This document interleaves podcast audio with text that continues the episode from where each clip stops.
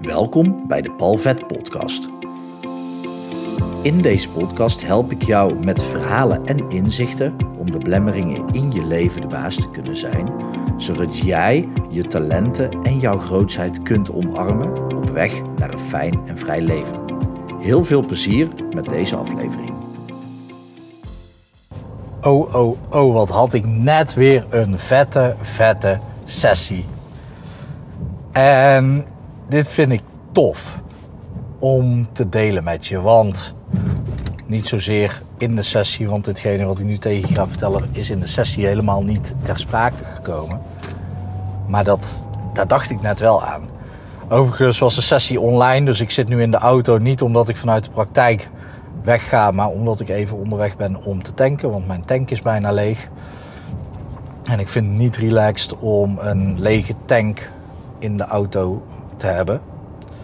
Um, want stel dat er uh, een keertje ergens iets aan de hand is en ik moet snel weg of er is ergens wat vertraging, dan moet ik onderweg ook nog tanken. En nu heb ik even de tijd, want ik wilde toch al deze podcast opnemen. En ja, dat kan gewoon in het, tijdens het autorijden. Uh, wel onhandig dat ik nog steeds geen houdertje heb. Moet ik echt, echt nog even aanschaffen. Denk als ik dit nog drie podcasts zeg, dat uh, iemand het zo beu wordt dat, die, dat ik hem cadeau krijg. Dit is geen, geen uitnodiging, dit is meer een schop onder mijn eigen reet van ja, Paul, regel dat gewoon nou even. Regel die shit gewoon. Het nadeel is bij dit soort dingen, en dat ken je vast wel, dat op het moment zoals nu denk ik eraan, maar zometeen ben ik op plaats van bestemming. En dan ben ik het al lang weer vergeten als ik kan bestellen. En ik ga niet de podcast uh, pauzeren. En dit echt even terzijde deze sessie was zo vet. Waarom? Ik werk heel graag met mensen die, um, die leuke, grote dingen willen doen om impact te maken in de wereld. En deze ondernemer, die wil dat ook en die doet dat al. En die doet dat al op een veel grotere schaal dan dat ze zelf doorheeft. En ze gaat nog veel groter doen dan dat ze durfde te dromen. En de eerste stap is gezet. Laat ik het zo zeggen. En dat vind ik tof. Maar um, waar ik aan dacht was... Eigenlijk in elke sessie of elk traject, heb ik al eerder gezegd... ga ik wel aan de slag met relatie papa en mama. Want er zit eigenlijk altijd nog iets. En als je dat oplost, dan kan je zelf groeien. En wat er vaak gebeurt is dat als er een belemmering is, dan stel ik soms de vraag: wie zegt dat tegen je? Wie zegt dat jij bijvoorbeeld hard moet werken voor je geld? Wie zegt dat tegen je? En vaak, tegenwoordig vooral, zijn mensen best wel bewust van zichzelf en dan zeggen ze: ja, ikzelf natuurlijk. Oké, maar wie heeft dat vaker tegen je gezegd? Ja, en heel vaak is dat dan papa of mama.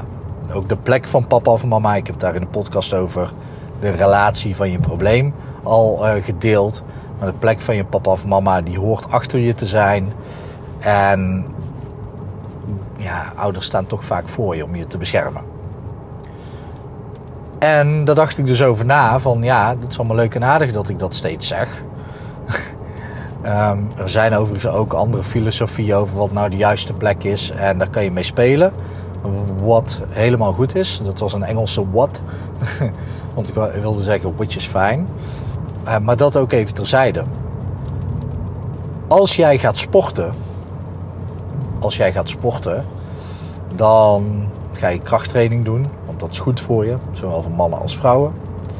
En wat je dan doet, is dan ga je gewicht pakken en dat gewicht gaat op jou drukken.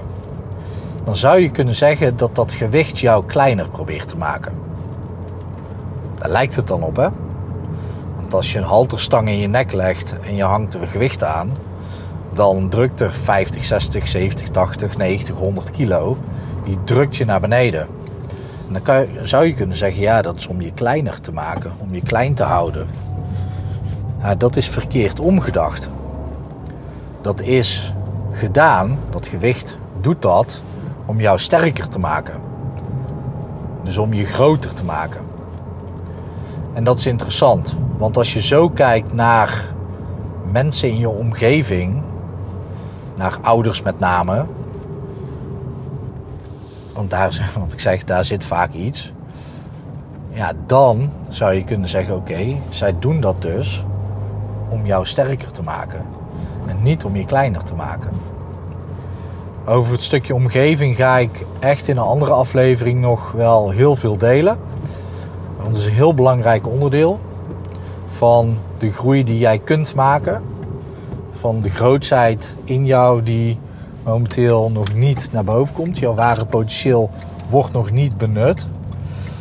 En nu wil ik het dan met name hebben over dat stukje dat je misschien denkt dat jouw ouders dingen hebben gedaan die ze beter niet hadden kunnen doen. Of dingen niet deden die ze eigenlijk wel hadden moeten doen. En door die dingen heb jij misschien het idee dat jij klein bent gehouden, dat jij belemmeringen hebt ervaren. Maar voel jij die weerstand ook, die rancune, die boosheid, die frustratie, dat verdriet richting dat 20 kilo gewicht of richting die halterstang van 15 of 20 kilo in de sportschool? Heb je daar ook haat aan? Wil je die ook schelden, uitschelden? Wil je daar ook liefde van ontvangen?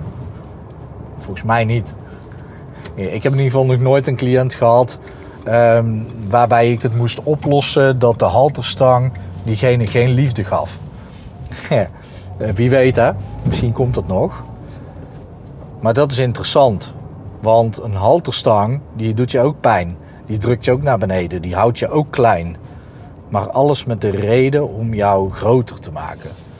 En dan kan je zeggen, ja, mijn ouders deden dat niet om die reden. Dat kan. Maar wat nou als dat het plan is van het universum of van God of van toeval misschien wel of van chaos om jou op allerlei manieren naar beneden te drukken zodat je sterker wordt.